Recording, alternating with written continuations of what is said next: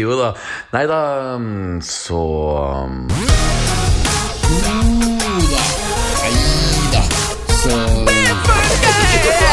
Nei da, så Ja, så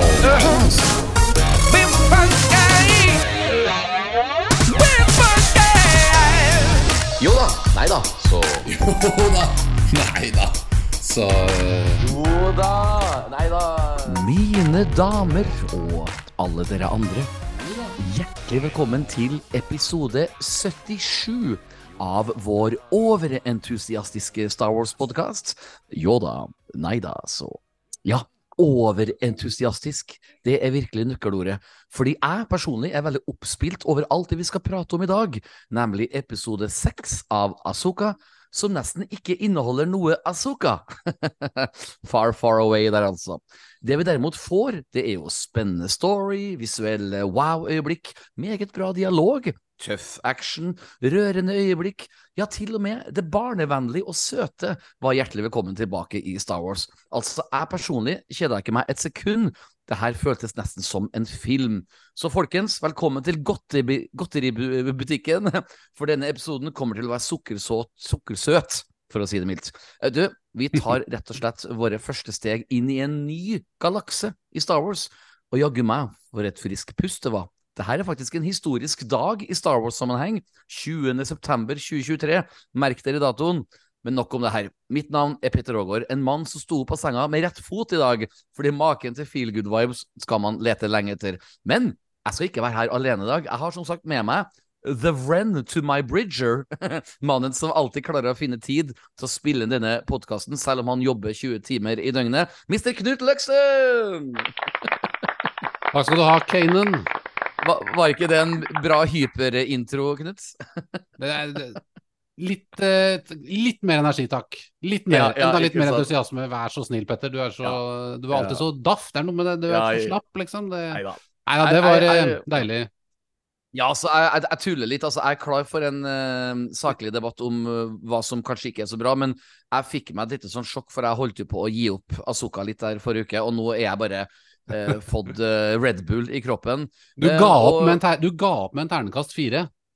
Ja, på, på en måte. Uh, ja, det var egentlig ganske artig sagt. Men, Så- men altså, jeg, altså, jeg har virkelig Altså, jeg har jo jobba sykt mye i det siste med alle disse Mm. teaterproduksjonene. Og hatt minimalt med tid. Jeg har ikke fått sett det så tidlig som jeg ville. og, og slike ting Så Ja. i dag så har jeg sett det litt sånn litt her og litt der. Men parallelt med at jeg har sett liksom en fem minutter her mens jeg satt og øvde på Frost nede på Det Norske Teatret, og litt i bilen min der. Altså, Ja. da har det tikket inn Petter Aagaard-meldinger på alle Messenger-gruppene Petter Aagaard er med i, som har noe med Star Wars å gjøre. Og de er ofte Ja, det- kopiert inn fra det ene til det andre. Copy-paste. Ja. men det er noe med den entusiasmen er jo veldig gledelig å være en del av. Og det må jeg jo takke Ja. deg for, Petter. For når jeg er veldig opptatt som jeg er nå, så rekker man jo ikke alltid å absorbere og suge til seg all positiviteten. Og da har man sånne folk som deg, som bare leverer Ja. gleden. Er, tusen takk for de fine ord, Knut. Jeg må jo si at eh, mange av disse amerikanske såkalte Star Wars-ekspertene som jeg har veldig mye til felles med, har jo nærmest hoppa av Asoka-serien, for de syns det ble for mye feil i forrige episode. Og jeg var jo redd for å havne i samme sporet, men nei, jeg er tilbake på rett spor. Og apropos rett spor, Knut. Altså, dagens gjest det er en meget kjekk herremann som vi av og til ser på diverse Star Wars-forum på nettet, og som alltid oppfører seg hyggelig og inkluderende. Han var først gjest i denne podkasten i juli 2021, og da snakka vi om The Bad Batch, på godt og vondt. Og han var også gjest i november i fjor, og da snakka vi om Andor, bare på godt. han har også langt over gjennomsnittet kunnskap om digital marketing, som jeg syns er veldig stas. Og um, ja, vi får kanskje spørre han om litt tips til denne podkasten, om, om hvordan vi skal nå ut til enda flere lyttere. Iallfall ønsken hjertelig velkommen tilbake for tredje gang til vår funky podkast, Mr. Kent Barvin! I can feel your anger, Kent Barwin. Gives you focus, makes you stronger. Good. Would be honored if you would join us, Kent Barwin. Takk, takk. Velkommen tilbake, Kent. Det var tøft. Du, eh, det er jo så artig, for du har jo prata med oss både om Bad Batch og Andor, og nå har jo du hørt på min introprat, så jeg kan bare starte med et spørsmål eh, til deg, Kent, angående episode seks. What the hell happened here? Sex. Ja, nei, det kan du spørre om. Ja. Ja, jeg Det var kjørte ut-variant i dag. Jeg um, satt i Teams-møter uh, fra klokken ni til klokken to, så hadde jeg lunsjpause og så på Asoka. Og så hadde jeg, hadde jeg Teams-møter fra klokken tre til klokken fire. Så uh, det ble litt sånn uh, dårlig med tid til å absorbere her i gården også. Vi er i samme båt, Kent, i dag. Ja, Ja. så, så Men uh, I samme Star Whale, kan vi si. samme Starway Ja, oh, Ja. ja. for farlig. at, um, vi, vi- kan jo starte, Kent, med litt mer saklige spørsmål. Altså, eh, jeg har jo ikke vært um, så altså, altså, du har jo, uh, er jo en av våre um, flotte podkastlyttere som har hørt på alle våre tanker og meninger om de første fem episodene av Ozuka. Eh, hvordan ligger du an skulle jeg si, i entusiasme angående denne episoden, og ikke minst om meg og Knut og våre gjester sine tanker tidligere? Ja, jeg, jeg er jo potensielt sånn jeg, jeg må nok kategorisere det som en av de som man omtaler som sånn gladfan. Altså, Ja. jeg spiser det meste og er happy, og, og jo da. Du ser feil, og du ser ting som kanskje ikke er sånn som du hadde tenkt at det skulle være. Og Mm, mm, kanskje ikke alle skuespillerprestasjonene alltid er helt på topp. mm. Nei, det, Uh, men det kan jo være enig om. så, så er jo dette Star Wars, og, og for meg så er veldig mye av det der litt sånn skranglete. Uh, både in universe, men også på en måte metamessig sett. Mm. For meg er det en del av Star Wars. da. Så Star Wars er i mitt hode og har alltid vært litt sånn cheesy. Mm. Ja, det er, det er et godt poeng. Ja. Og Mm. Så er det litt sånn kanskje sånn i senere tid, etter hvert som ting har spredd seg ut i, i, i, på, på strømming og sånne ting, så blir man litt mer sånn opptatt av å og så, så er det litt sånn at Når man sitter og ser på ting og skal snakke om det, så blir man også mer oppmerksom på det som potensielt er feil. da. Absolutt. Så, Ja. så jeg tror på en måte det er blitt en sånn I våre dager, da, når alle skal snakke om alt og alle skal ha en mening om alt, så blir vi også mer, mer kritiske når vi ser på ting. Mm. Så, mm. Så, eh, men generelt så er jeg eh, så er jeg kjempefornøyd med Azuka så langt. Jeg vil kanskje rangere den som den Nå har jeg ikke sett hele serien ennå, men jeg vil, vil nok kanskje rangere den som den potensielt nest beste, for min del, av de Ja. seriene som har kommet til live action. Mm. Så, Ja, men det er jo veldig bra. Det er jo Ja, kjempe... det veldig, veldig. Etter Andor, eller? Etter Andor. Ja. Ja, ikke sant. Uh, unnskyld at jeg avbryter deg, Kent. Jeg, skal bare, jeg fikk plutselig en liten tanke i hodet mitt som passer veldig godt til noe av det du snakker om. For at jeg var på en fotballkamp nå på søndag, og da møtte jeg en god venn som driver Ja, jeg vet det. Min sønns første fotballkamp. Uh, Rosenborg-Bodø-Glimt. Men iallfall, um, det som skjedde var da, var at jeg satt sammen med en god venn som driver en burgerkjede. Han har altså åtte restauranter opp og ned i Norge, så jeg ikke si navnet. Men eh, veldig gode kvalitetsburgere. Og han fortalte meg noe kjipt, og det er at på dem, hans Facebook-sider så er er- Folk eh, skriver mest når de skal klage på noen Mm. ting, og skriver veldig sjelden når det er bra. Og det er en, vi snakker skikkelig kvalitetsburger til 200 kroner, liksom. Men folk flest liker å klage. Og folk kan til og med starte og si jeg er vanligvis fornøyd, men i dag skal jeg klage, liksom. Så, Ja. så istedenfor å skrive da fire ganger at de er fornøyd, så vil de heller bruke den femte gangen til å skrive, og da noe negativt. Og det er litt av det, det du er inne på, Kent, at vi dessverre henger oss opp i det som er feil. Det er fordi vi, i Norge så er vi vant til å bli behandlet med sølvhansker, altså det, eller silkehansker heter det vel egentlig. Vi er vant ja. til å få den beste servicen. Mm. Norge er et rikt land, alle som skal levere varer til Norge er veldig opptatt av å få det hit, for vi har mye penger, og da, er, da skal liksom servicen være deretter, og du skal Mm. vi, vi er jo kjempebortskjemte, så vi er ikke vant vi, vi skjønner ikke alltid at, at det er ikke en selvfølge at du får den beste burgeren eller den beste bilen Mm. eller den beste oppfølgen hos en lege eller alt mulig. Sånn er det ikke i andre land, men vi er jo så Mm. vant til det, ikke sant. Så, Ja. så det, det kan selvfølgelig Så vi er vant til bare å si ifra når noe er feil, og Mm, ikke mm. eller bruke tid på å være fornøyd når, Mm. vi er, eh, når vi er glad over noe. ikke sant? Og det, det, det kan jo være et problem. og Det kan jo selvfølgelig smitte over til, til kunst og kultur. At man liksom eh, man tar det som en selvfølge at dette produktet skal levere liksom helt episk Mm. historiefortelling, sånn du selv Mm. forventer det. Men det, Mm. sånn fungerer ikke verden. Nei. Jeg tror, jeg tror ikke det bare gjelder Norge, men jeg tror vi på en måte Mm. lever i en, en tid da hvor, hvor alt skal være det beste eller det mest eh, fantastiske eller det mest et eller annet. Mm. Uh, og hvis ikke det er det, så, så er det også en sånn tid hvor, hvor det er ganske høy binæritet da, i, i Mm. om ting. Sånn at eh, hvis ikke det er det beste eller mest fantastiske, så, så blir det veldig fort sånn Ja, dette her er, er er det ikke noe jeg er alt av, og her er, her er en liste over de grunnene som jeg har til at Mm. jeg ikke likte det. Eh, jeg tenker liksom at det, det må være lov å si eh, det funket ikke for meg. Jeg, jeg syns ikke det var noe særlig. Jeg syns det var kjedelig. Jeg syns jeg likte, altså, det må ikke alltid begrunnes, da, for det er jo litt sånn vi, Hvis vi ikke liker noe, så leter vi etter rasjonelle forklaringer på det. Ja. Um, nok en gang så må jeg bare bryte inn med en ny tanke jeg fikk i hodet mitt. fordi at um, i, i vår podkaststatistikk, uh, når vi da snakka om Andor i alle disse podkastepisodene vi snakka om Andor, så skrøt vi og skrøt vi og skrøt vi. Og vi fikk lavere og lavere lyttere, altså uh, streamingtall. Og um, når vi begynte, spesielt med Vidar Magnussen, å klage på siste episode av Mandalorian, så fikk vi skyhøye eh, lyttertall. Så folk er mer sånn gira og nysgjerrige hvis de har sett noe dårlig. Hva mener folk om det nå? Uh, og Asoka, faktisk, uh, så langt siden jeg har vært litt usaklig av og til og klaga, så har vi fått høye uh, lyttertall igjen. Så at um, når vi, hvis vi bare skryter, så er lave. Lyttertall, da, vi, eh, eh, så, eh, er er du overraska, Kent, over eh, den statistikken? Nei, det er helt normalt. Eh, Det Ja. er, det er, eh, det er bare å se på avisoverskrifter og, Ja, og se hva som, som treffer folk, og hva folk klikker på.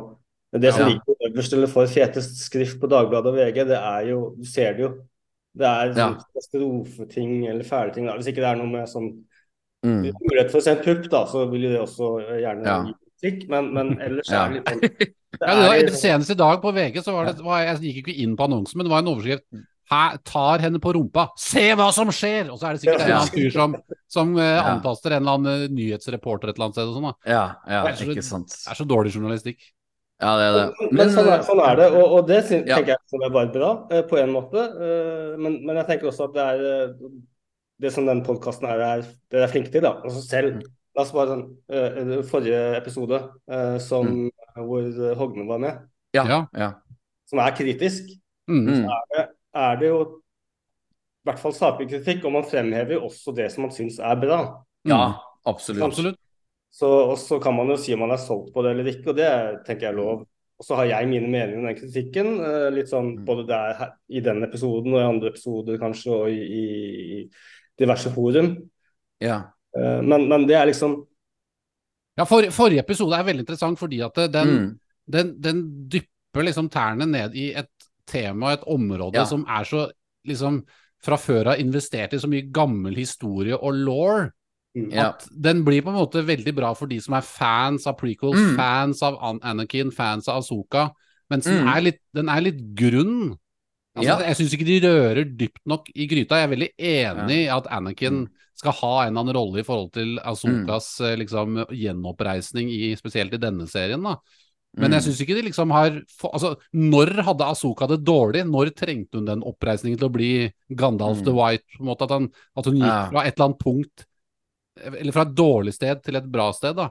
Mm. Eh, og jeg syns på en måte ikke at hun stilte nok kritiske spørsmål til Anakin, og det fikk ikke helt frem budskapet. Jeg, skjønte, jeg skjønner jo at han må, må vise frem både sin mørke og sin lyse side for at hun skal skjønne hvor han, hun skal, hvordan hun skal komme seg videre i galaksen, hvordan hun skal bekjempe det onde. Og jeg er også veldig enig i at Anakin er den rette eh, hva skal jeg si, vesenet til å på en måte ha en sånn slags Tilsynelatende en sånn gudestatus inni World Between Worlds. For han er liksom den eneste som har han er He's Space Jesus. Space Jesus. Han er den eneste som på en måte har walked the evil way og the good way.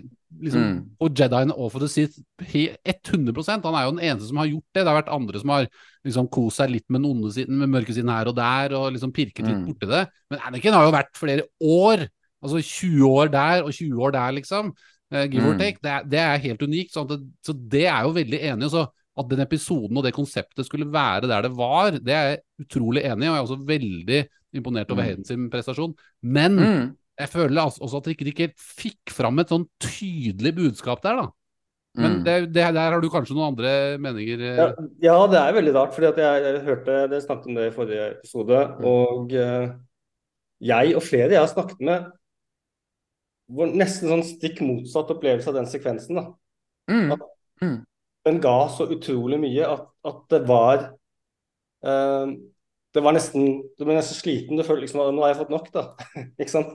Uh, Ja, altså visu visuell- Visuelt sett Jo, nei, men ikke bare det. Men, men, men hele konseptet er Og det tror jeg kanskje Der er det nok en forskjell på de som på en måte har et la oss kalle det sterkt forhold til de animerte seriene, altså Clone Wars Mm. og Rebels, og de som på en måte bare har sett det uh, uten å snakke negativt Mm. om de eller dere. Nei, nei, nei. Uh, nei. Jeg har sett Clone Wars to ganger, og Rebels har jeg sett én gang, eller en halvannen nå, da. Jeg har sett Rebels tre ganger. eh, Ja. Oi, oi. Langt nær så mye som veldig, veldig mange andre. Men Men, men, men uh, Clone Wars har jeg sett to ganger også. Uh, men måten den knytter sammen og, og visualiserer og ikke minst løfter frem Hva var det de jediene drev med? Ikke sant? Der springer et lite barn på 14 år rundt. For Mm. øvrig en ufattelig god skuespillerprestasjon. Ja, Det er enig. Ja da. Ariana Greenblatt heter hun Ja. vel. Jeg, jeg måtte slå henne opp. Hun er jo tydeligvis en av de mest populære tenåringsskuespillerne i Hollywood for tiden. Mm. Eh, Men uansett, der springer det en 14 år gammel jente og, og skal lede Mm. noen i krig. Ikke sant? Altså, Mm. Det er jo helt håpløst. Mm. Mm. Og, og det er på en måte Det er, det er jo den P, Hva heter det? PTSD-en som hun Ja.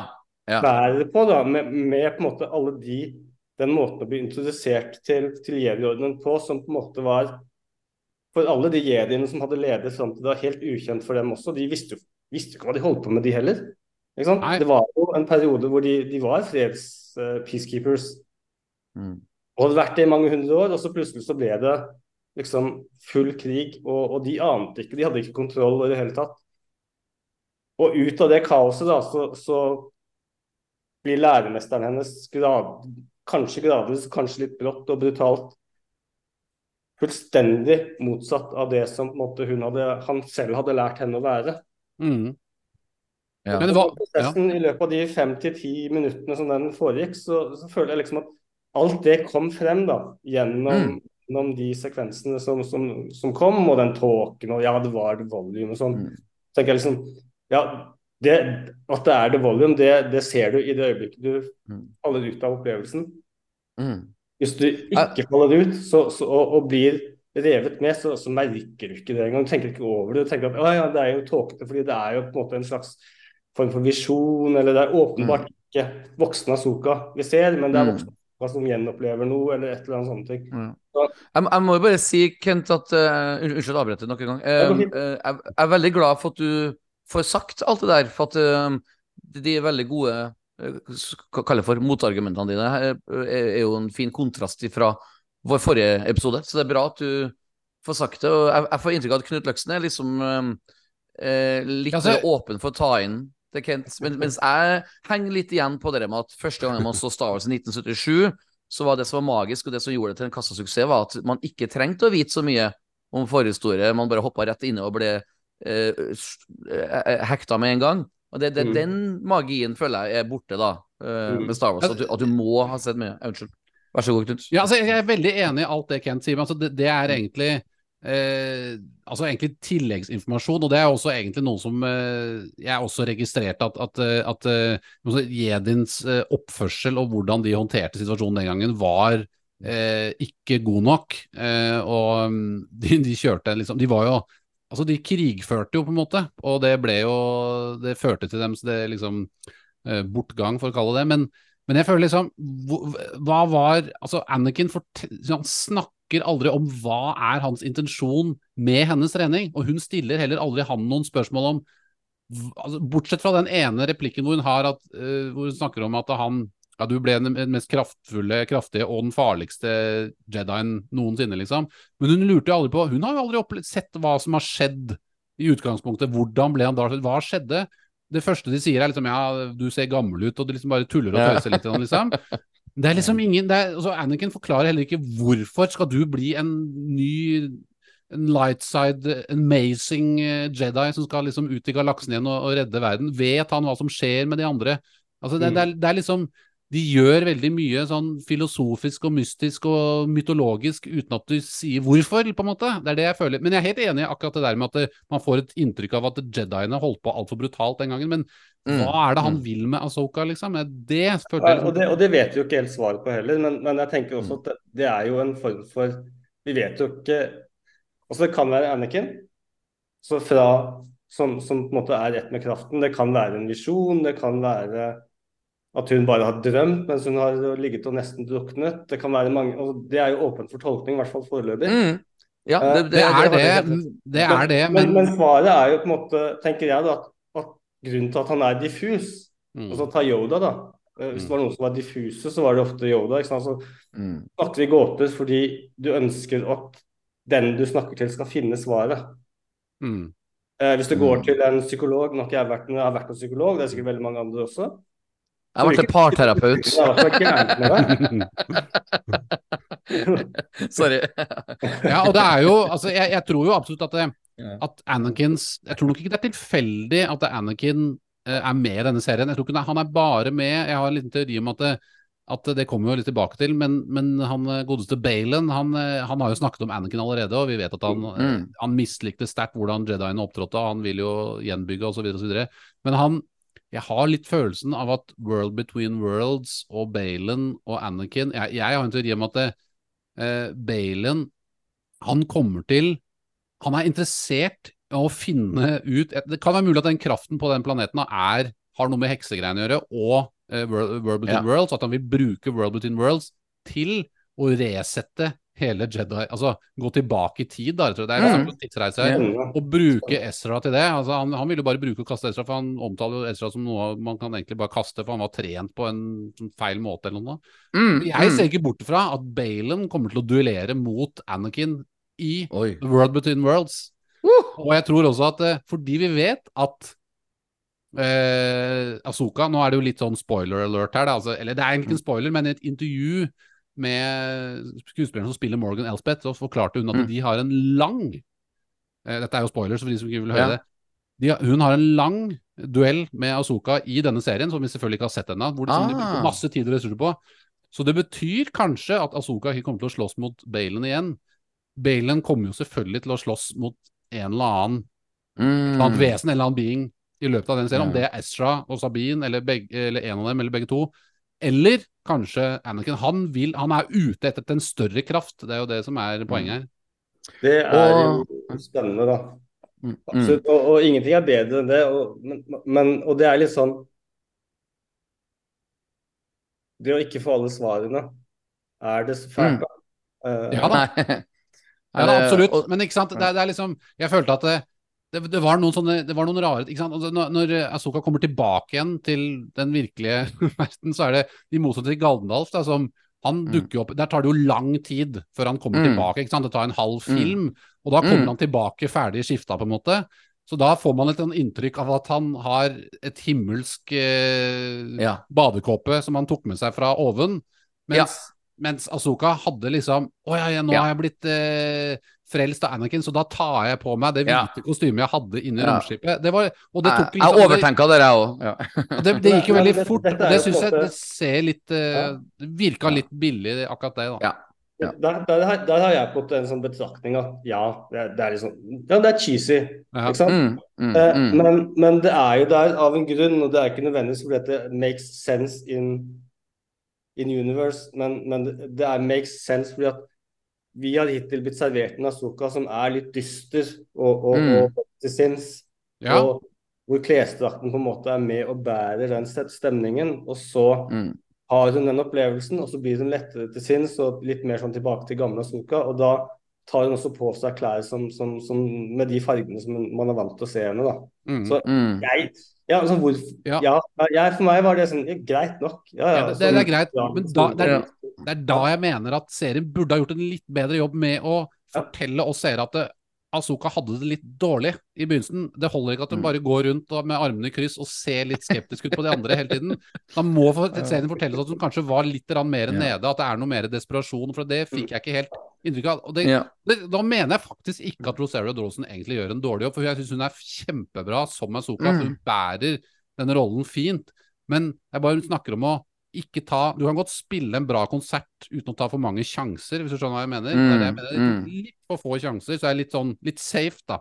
Men En, eh, en, er litt- ja. en, en, en liten ting, eh, Kent og Knut, eh, før vi begynner å snakke om episode seks. Jeg kan dessverre ikke ta kred for å ha tenkt det her ut sjøl. Dette var noe jeg oppdaga på YouTube. Det var en fyr som sa jeg, Jo, jeg må det si det så ikke jeg blir arrestert på det. Var en fyr som um, ba folk om å se episode fem på nytt igjen.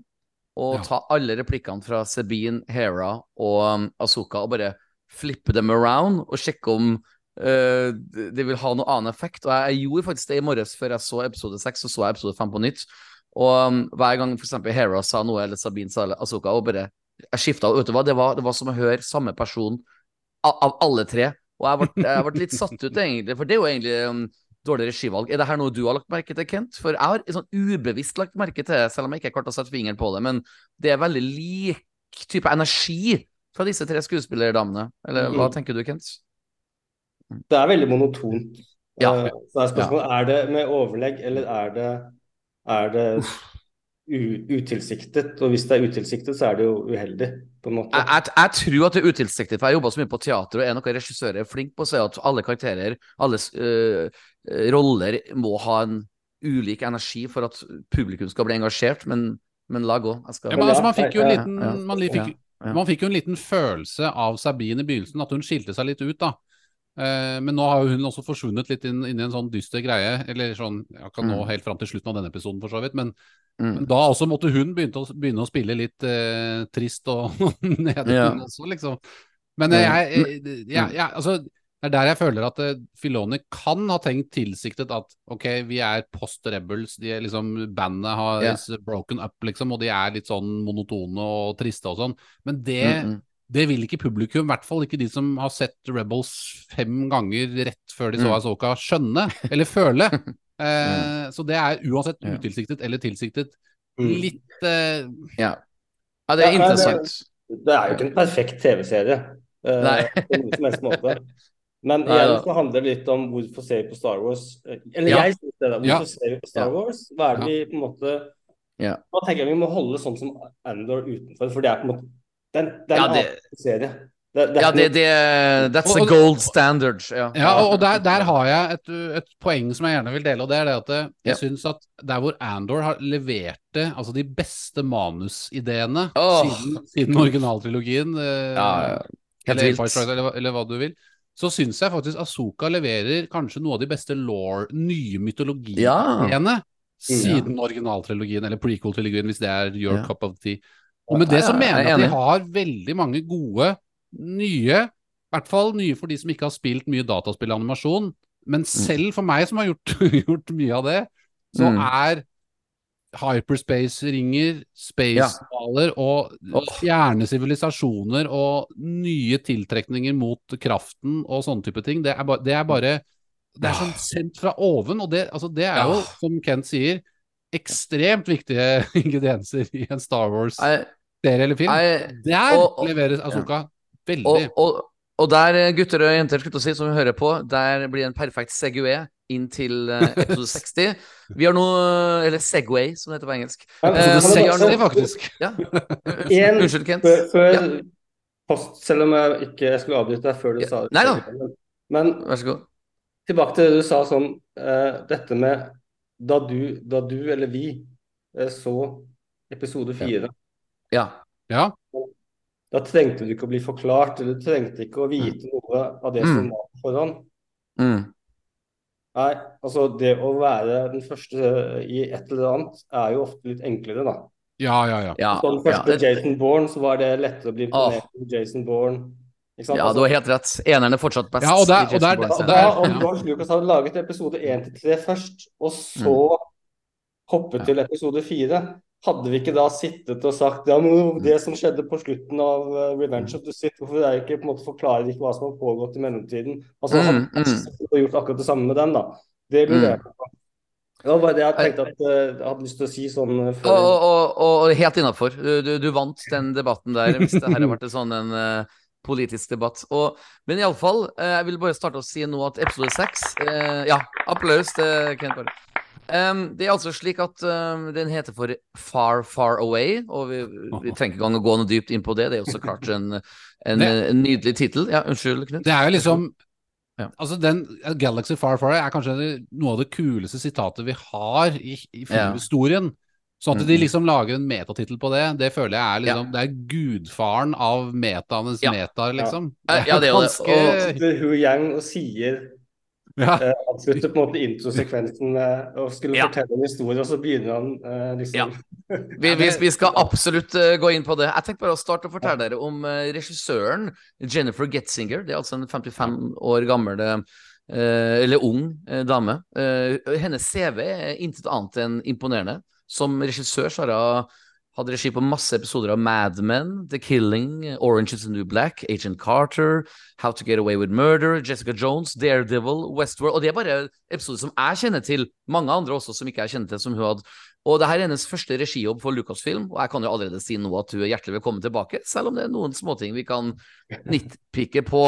Men som jeg starta i dag med når jeg åpna denne podkasten, var jo at uh, vi tar jo nå vår første steg inn i en ny galakse i Star Wars. Også, det er et veldig frisk pist, eh, frisk pist, faktisk. Frisk pust.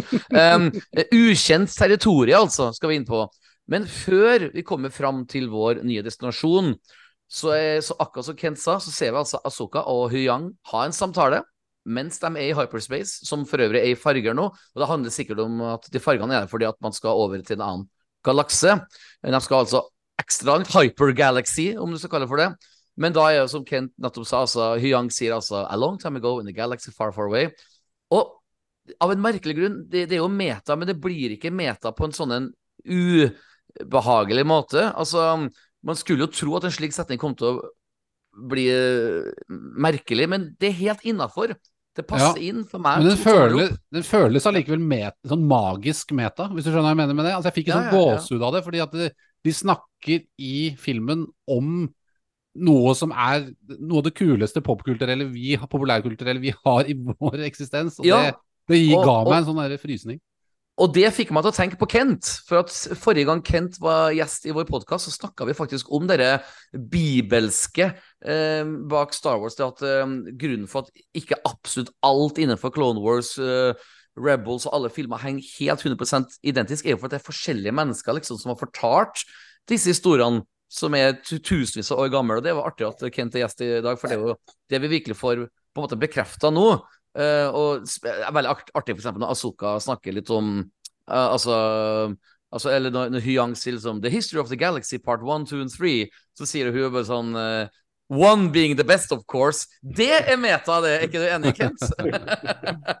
Jeg føler at det var en A New Hope-omasj. Humra du også, Kent, når du hørte den setningen?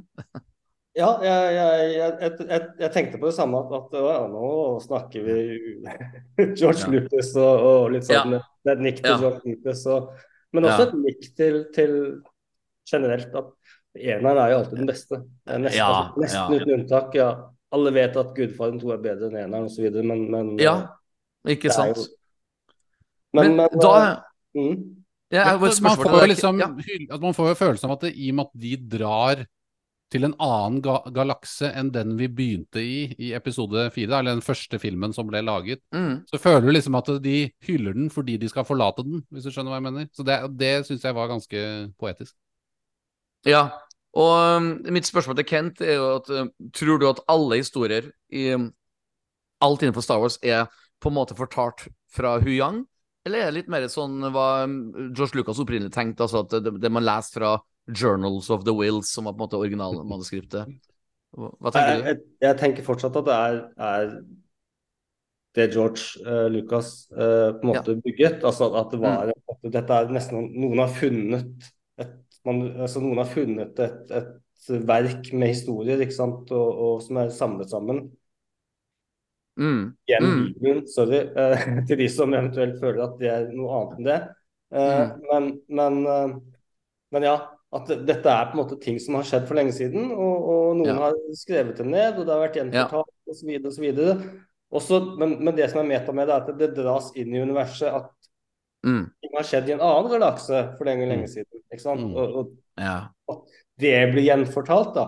De, Mm. de, de refererer jo egentlig til mye av det i hele serien, med at man måte snakker om at det har vært noen sånne stories uh, som man har hørt uh, som liten fra i Ja. Ja, ja. Som, som nå viser seg å ha, ha noe, noe ved seg. da. Det, der fins jo på en måte et, et, kanskje en kjerne av sannhet i de historiene eller legendene. da, ikke sant? Ja. Men kan, det- kan, det være noe, kan det være noe med at, det, at, det, at selve kraftens opprinnelse kan stamme, stamme fra, noe, fra enten denne planeten eller den galaksen vi befinner oss, nå, eh, oss i nå?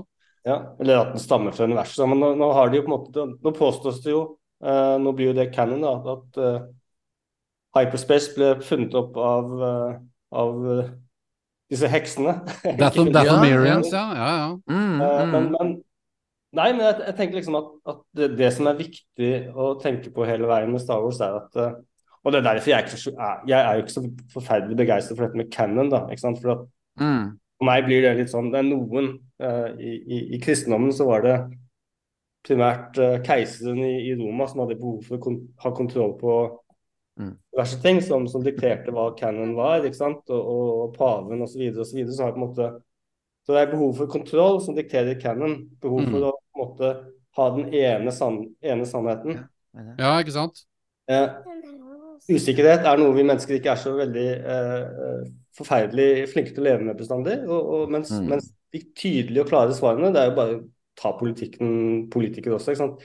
Enkle Ja. svar, tydelige svar, klare svar, det, det, det har vi sans for. Så Eh, et, et, en liten digresjonsspørsmål til dere begge to. Og, og, nei, nei, nei, det var helt nydelig. Jeg bare Et kjapt digresjonsspørsmål. Her, uh, The History of the Galaxy Part 1, 2 and 3. Var det bare jeg som tenka sånn Hei, der har vi en framtidig trilogi. ja.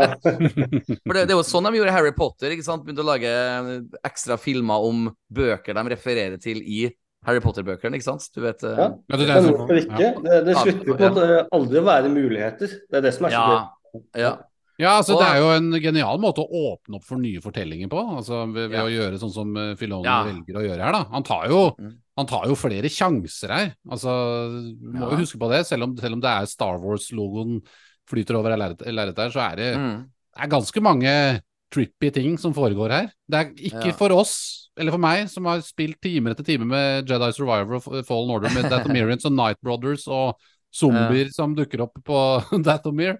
Uh, men eh, Og Thrawn og, og heksemagi og sånn. det, det er veldig mye nytt og rart. Ja, det, det, det, du, du treffer et veldig bra po poeng der, Knut. For det har jeg notert meg på mine notater. At uh, det her er en ny Star Wars, men det er innenfor den Star Wars-rammen jeg er komfortabel med. Hvis du Ja, det skjønner er hva jeg mener. Det, ja. det, det er, for jeg liker nytt, men det, Men- må, det men- må være visse regler. Ja. Men for oss som har sett mye animasjonen, lest Dark Horse Comics, spilt dataspill og Mm. sånn, så er det jo lettere å, å svelge den overgangen. Tror du at folk som aldri De har bare sett Mm. filmene, ingenting annet enn filmene. Hva vil de tenke Mm. når de ser denne episoden spesielt, da? Kanskje også litt de forrige også, men tror du de detter av? Blir det for mye? Hva tenker du, Kent? Eh, Jeg vet ikke. Jeg, er det ikke litt sånn Å, kul action. Uh, Mm. altså, jo, men hva var vår Ja. første reaksjon da når vi Ja, så. Star Wars? Ja. Um, igjen så er det sånn der Kanskje Jeg vet jo ikke, for det er helt umulig å se. Jeg har jo stilt meg selv det spørsmålet veldig ofte. at Hvordan skal dette tolkes av de som aldri har sett eh, Clone Wars Mm. og ikke sant? eller spilt Ja. spill som vi har spilt, Knut? Ja. Sant? Eh, For eksempel bare det der, det der Guardian Stance, da, som, som er eh, på en måte en crossover fra, fra Jedi Survivor, Ja. med, eh, som i, fra episode Hva ble det? Det ble fireren, det, da. Mm. Eh, alt dette her, altså Der er de så utrolig flinke, men samtidig utrolig forvirrende. Altså, de, de, alt henger jo sammen, og det fins en baktanke med alt som de putter inn i disse seriene. Og Ja. Mm. trippelbaktanker og, og liksom referanser og crossover til High Republic fra spillet. Altså, Ja. det er noen Og, og det syns jeg er litt viktig å huske på at dette er gigantselskap nå. Det er så masse folk som har agendaer som de skal fremme. Mm. Mm. Påvirker alt som, alt som kommer på en måte ut til oss som, som seere. da? Mm. At, at Ja. det blir, kan jo bli litt, kanskje litt voldsomt. Og det er jo også litt enklere når man skal lage sin første Eller den første, ikke den første spillefilmen Ja. man lager, men Mm. Star, Star Wars, den første Star Wars-filmen er liksom Mm. Det er jo ikke noen agenda. Det er på en måte bare det er, det er på en måte visjonen om å lage et, et, en, en romopera som, Mm, som ja. eh, forhåpentligvis kanskje går bra, og, og, og Ja. du har flaks, og det har man jo. Mm. Eller hadde Ja, det var ingen, det var ingen garanti for at uh, A New skulle bli Så, suksess. så det er liksom Det må være vanskelig å lage god Star Wars i 2023, tenker jeg også. Ja. Det som derimot eh, ikke er vanskelig, gutter, det er å lage en Star Wars-serie hvor hovedpersonen forsvinner. Fordi at uh, etter den lille minutten med intro der, så ser ikke vi Asoka mer her. Og let's, let's talk about it for a second. Altså, I Bobafett så endte jo de beste episodene med å ikke inneholde Bobafett. I Mandal Mandalorian sesong tre så var jo en av mine favoritt eh, favorittepisoder Dr. Persian uh, vandrer rundt på Corsont.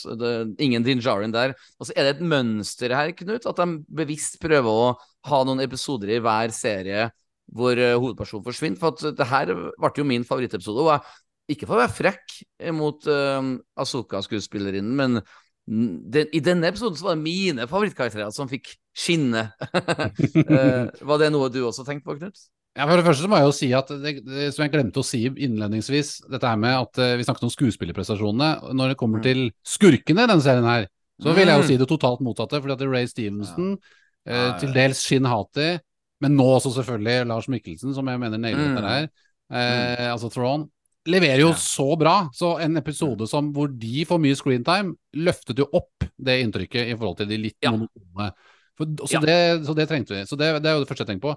Men i forhold til det der med at de, de kommer med sånne sidesprang uten hovedkarakterene sine i serien, ja, det er Mm. helt, helt tydelig en trend. Det er den eneste forskjellen her, eller i hvert fall en av forskjellene, er at i Mandalorian og Bobafett så gikk de liksom inn i episoder som ikke hadde noen ting med selve Mm. hovedhistorien som er involverte ja, hovedkarakteren.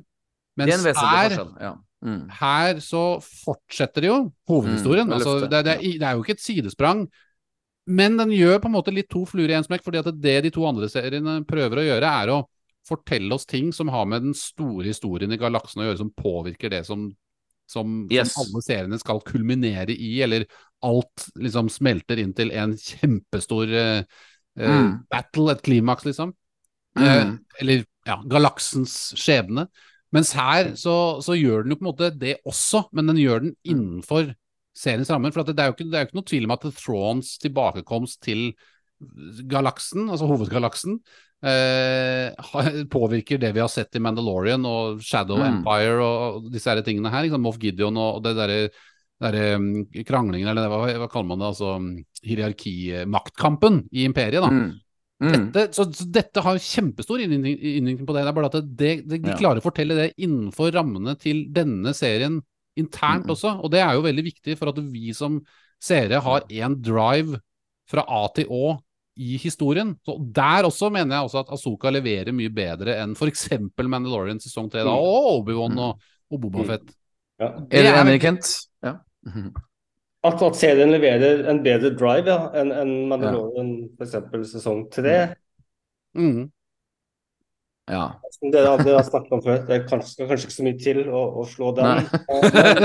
Ja, for der er det jo Jeg, jeg er kjempehappy, ja, altså, men, men jeg ser, Mm. ser at ser at det kanskje ikke var det helt store. Men, men, Ja. men, men, men ja, jeg, jeg, igjen så faller jeg også litt tilbake til at det er nok også på en måte enklere. fordi i det øyeblikket du tar Boba Fett-serien, og så tar du bort Boba Fett, så tar du bort forventningene til Boba Fett. I Asoka-serien så tar du bort Asoka, så tar du bort forventningene. Det er ingen som lenger sitter og spør hva skal skje nå. Er det riktig karakter, karakterutvikling for hovedpersonen? Er det sånn jeg hadde sett det for meg? Og videre. Nei, kan altså det, eh, det er lettere å, å, å få de andre til å skinne, da, eller lettere å lage noe som, som både Selv om jeg er helt enig med, med dere at, at det driver jo ser, historien og plottet fremover, så er det på en måte Mm. også lettere å lage et isolert verk da, som, som Ja. ikke er avhengig av å hvile på skuldrene til en hovedkarakter. ja. Kanskje Jeg- jeg- det er Og det er jo fordi- forklaring da, på hvorfor vi liker det. Eh, mange liker de episodene bedre. Ja, jeg, jeg, jeg må bare bryte inn eh, Det er ikke helt relevant til akkurat det vi prater om i dette sekundet her, men jeg er en sånn nerd som trenger bare av og til litt sånn logiske svar. Så for eksempel hvorfor Asuka ikke er med i denne episoden, det er jo logisk, fordi at hun er på en reise. Hun er altså i ja, hyperspace, og Ja, det ja. har vi jo skjønt tatt litt tid. Og, og det, da er jeg fornøyd, jeg. Så lenge jeg bare får et svar på Eller, eller iallfall et slags svar på hvorfor hovedkarakteren ikke er med. Bortsett fra at de gjør ja. Jeg mener at de gjør en liten tabbe her. Det, det, nå skal jeg sammenligne denne episoden kun bare med akkurat de første sekundene av episode fire av Obi-Wan Kenobi. Og det er når Kenobi har akkurat møtt Darth Vader. Han reflekterer nesten Bortsett fra en sånn Bakta-flashback-scene, så er det null refleksjoner rundt det. Eh, Han har ikke sett han på liksom ti år, og de, de var bestekompiser. De var som brødre, og det endte med at eh, Mm. han ene ble Darth Vader, og galaksen gikk i dass. Mm. Ahsoka har akkurat møtt Anakin for første gang, eh, bortsett fra at hun slåss mot Darth Vader i Rebels, men det telles Ja. liksom ikke. For dette han, hun møter jo Anakin i, egentlig på måte Med mindre det er en drøm, så møter hun henne fysisk. Men at det ikke er noen refleksjoner rundt det i den neste episoden, det er sånne ting som kan plage meg litt. For det er en såpass viktig Mm, hendelse at, Mm. at det, det virker liksom Det virker eh, litt oppstykket og litt ulogisk at hun ikke har noen følelser rundt dette. Hvorfor, hvorfor tenker du ikke noe på det? Og, ser, og I lys av at serien heter Asoka, så, Mm. så er det litt uh, underlig, da. Altså, Den burde jo egentlig hete Rebel sesong 5, men Ja. det, er- det er en annen debatt. Men, men, men den redder seg inn veldig da fordi Hadde dette nå blitt et sidesprang hvor hvor Bale and Skull skulle fange sånne skilpadder, og det var det eneste som Ja, skjedde ja, ja. i den episoden, da hadde, jeg, da hadde jeg lagt på røret. ja, ja, ja. Det er godt eksempel. Kan jeg bare spørre om det at Asoka ikke reflekterer over det, og jeg ser poenget, Ja, det er litt sånn forstyrrende, kanskje, ja. På ja. samme måte som at, at eh, det var jo veldig rart at Luke Skywalker så onkelen og tanten sin som han hadde vokst opp med, brenne, og lik, de forbrente likene av den. Og så bare dro han ut på eventyr sammen med en Ja, annen Men der er jo, kommer jo argumentet ditt inn. i at Dette var jo, dette var jo første filmen, det er ikke noe historie som er i forkant. At ja, vi har sett Luke gå på gården sin og finne jobbe med disse moisture evaporatorene sine, liksom. Ja, Og, og hente roboter på Torse Station. Men det er men, men, men ikke sant? Nå har, nå har vi så mye historie med Anakin og Asoka fra Clone Wars, delvis litt Rebels. Uh, ja. Så det er, det er liksom At ikke det er Jeg, jeg noe reflekterer over det når jeg ser uh, A New Hope. Så reflekterer jeg over det hver eneste gang. At uh, jøsse han kom jammen fort over eh, den, det dødsfallet, liksom. Ja da, det, det har jeg også gjort. Ja, Mm. Absolutt. Og det, det, er helt klart uh, Men du kjøper det litt lettere fordi at det er I hvert fall den gangen, første gang du så det, fordi at Ja, fordi det du var syv år eller fem år da du så det. Kanskje Jeg var ti. Jo, men altså, i- ikke undervurder effekten av å ha sett noe for første gang da, som barn. Jeg tror det er litt sånn uh, Absolutt. Det er litt med oss. La meg bare si, la meg bare si gutter, at de siste ti minuttene dere to har prata nå, og jeg også, så klart, det, det her er grunnen for at jeg elsker denne Star Wars-podkasten. For at her, her er vi virkelig kreative, og her, det her er en episode som jeg elsker, og likevel så klarer Knut og Kent å finne Jo, ja. kjempebra poeng. Eh, kjapt til deg, Kent. Du kommenterte det med at Luke eh, kom fort over onkel og tanta si. Jeg føler at han har et øyeblikk hvor han titter litt ned, og så ser han opp på Obi-Wan Kenobi og I wanna be a Jedi like my father. Liksom, han, uh, jeg, jeg føler at han For det, det, det som jeg syns er ille med New Hope, er når Obi-Wan Kenobi dør, så ligger liksom Luke og bare I can't believe he's gone. Og den syns jeg er mye verre, for at uh, han har kjent han gamlingen i en dag, mens Leia har nettopp mista alle vennene sine på planeten. Det Men det, men det, men det må også ses litt, litt i lys av den tiden den er laget i. Jeg sier ikke at det, Ja. filmer på den tiden ikke hadde liksom eh, emosjonelle ting og katarsis og liksom eh, dramatisk skuespill. Jeg mener ikke det, men Mm. det er en, rom, en eksperimentell romopera fra, fra 1977, liksom. Og det, Ja. de hadde nok ikke tid og ressurser til å liksom stappe inn alt det vi forventer i en sånn type ja. film i dag. Da. Men hvis du ser på liksom Marvel, da, så har du spesielt f.eks. for eksempel når Tony Stark dør eksempel i Endgame. Spoiler! Eller når, Ja. når, når Tony Stark finner ut at, uh, at The Ja. Winter Soldier har drept faren hans og moren hans. Oh. Sånne scener som det der ja. bør vi ha i Star Wars også, ikke sant? Og, vi, Ja, ja. bli, og hadde New Hope blitt lagd i dag med uh, den kunnskapen vi har nå, Uh, Ja. så hadde nok Luke blitt Så hadde det nok Hvis Det- Tony Stark Nei, Robert Downey Jr. hadde spilt Luke Mm. Skywalker, så hadde du nok Ja. fått en scene som var mer sånn som vi ville ha den, eh, Kent. Og jeg, Jeg må- og jeg jeg må- jeg forventer må- det av Star Wars nå. Ja. Jeg må, jeg må joine på Knut der. Jeg er jo 1000 enig i det du akkurat sa. Jeg vil til og med gå enda lenger og si at uh, bare det øyeblikket hvor Tony Stark skjønner at han har um, knekt koden på time traveling, når han setter seg bakover der, da tenker jeg sånn Sånn burde um, Ewan McGregor reagert når han skjønte at Darth Vader fortsatt levd? Altså, du, er, altså, altså at Anakin levde. Altså, du vet sånn altså, Ja, men jeg- jeg altså, tenk- ja, Nå syns ja, jeg ikke Evan McGregors skuespill egentlig var Det var, altså det, det var liksom av den bedre sorten. Eh, og jeg ja. syns jo Robert Downey men jeg, jeg føler at liksom eh, Ro- Rosario Dawson, Natasha Louis Bourdieu, eller hva, hva det er Ja. hun heter, og, og den godeste Hera, altså Elizabeth eh, Hva var det heter for Mary Elisabeth Elizabeth Elizabeth, Weinstein, holdt jeg på å si? ja, Ja, Vincent eller noe sånt. altså. Det er jo kona til Evan, selvfølgelig. ja, Eh, ja, det er jo litt nepotisk, det hele, selvfølgelig. Men Ja. det er Ja. men, men, men ikke sant, man får ikke Jeg føler ikke Jeg vil ha sånne Robert Downey ja. Downey-mimikk. er veldig artig Utstråling.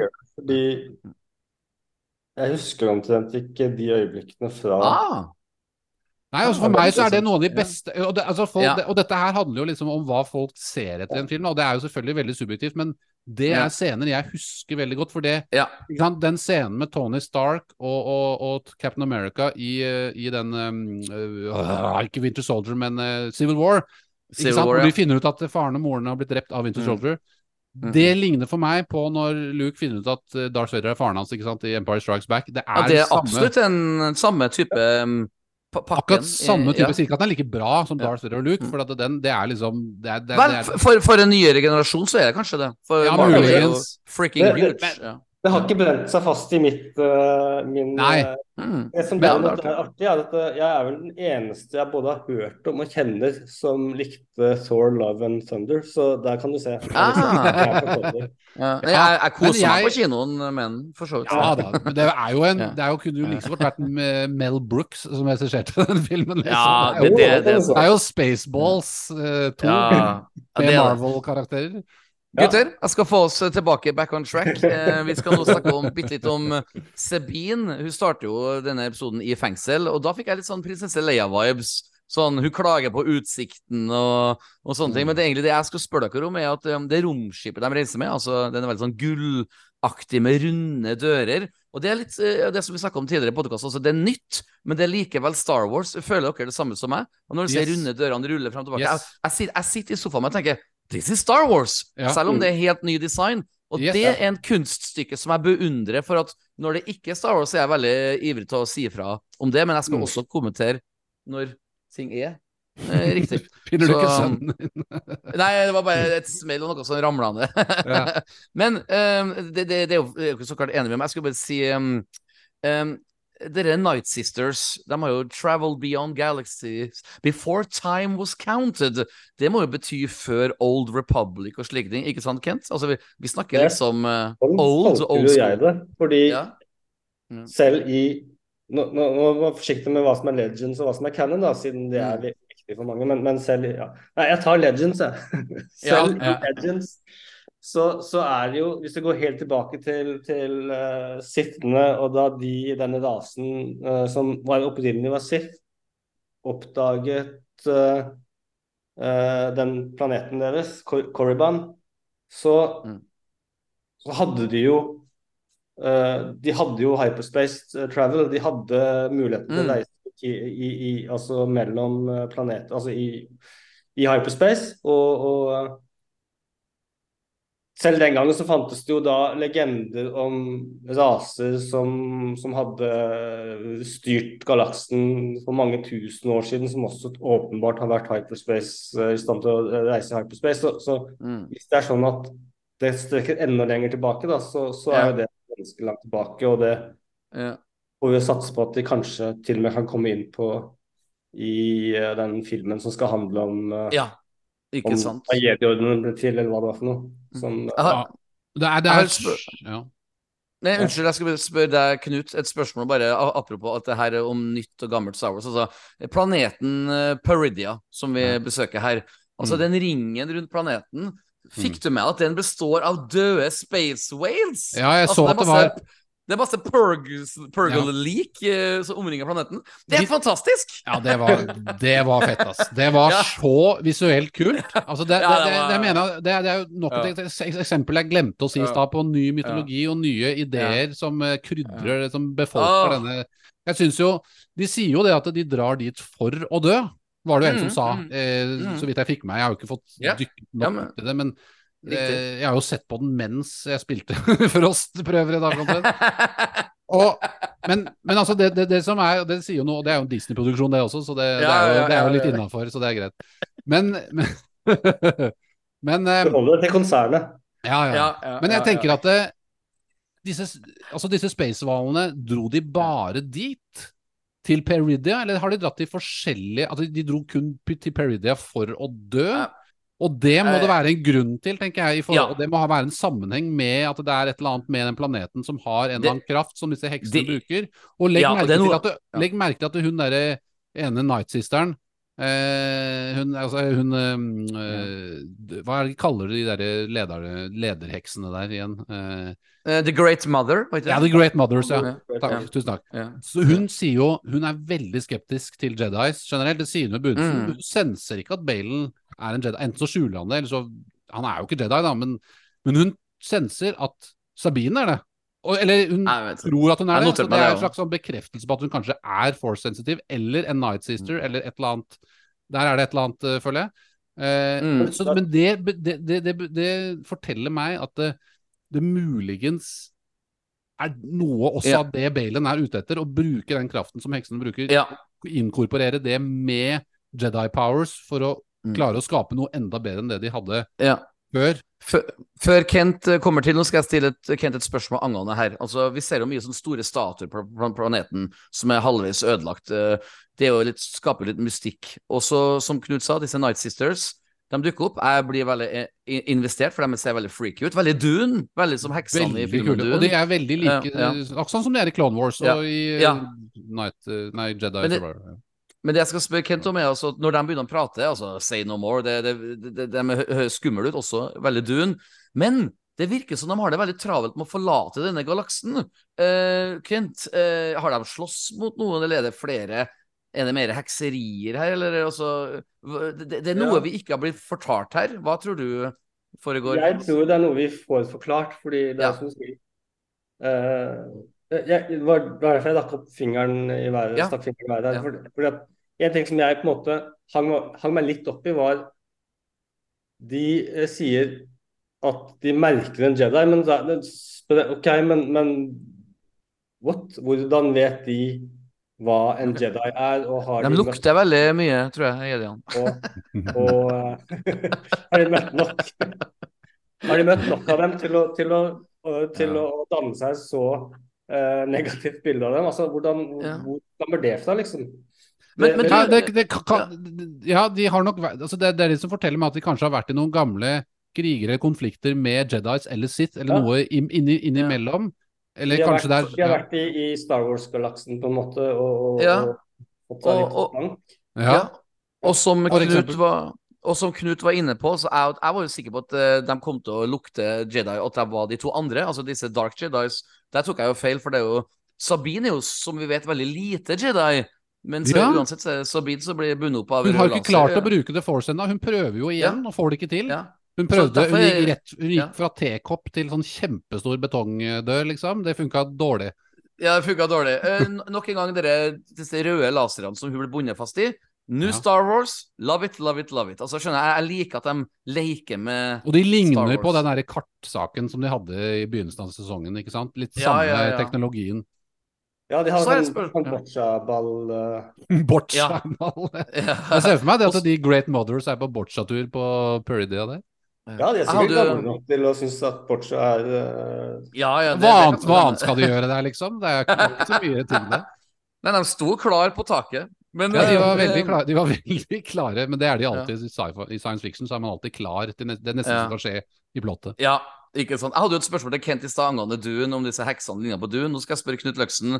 Det lille gullromskipet de bruker for å lande på planeten, det, Yes. det ligner jo også på noe de brukte i Dune. Altså 80-tallsfilm Dune, som jeg for Ja. øvrig likte veldig godt.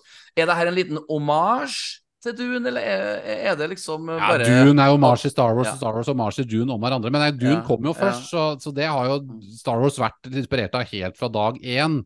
Så det er, men det er også en omasj til eh, jeg føler, japansk kultur og samuraikultur. Ja. fordi de gull, disse gullromskipene det minner Ja. for så vidt også om eh, Old Republic-estetikk også, for så vidt.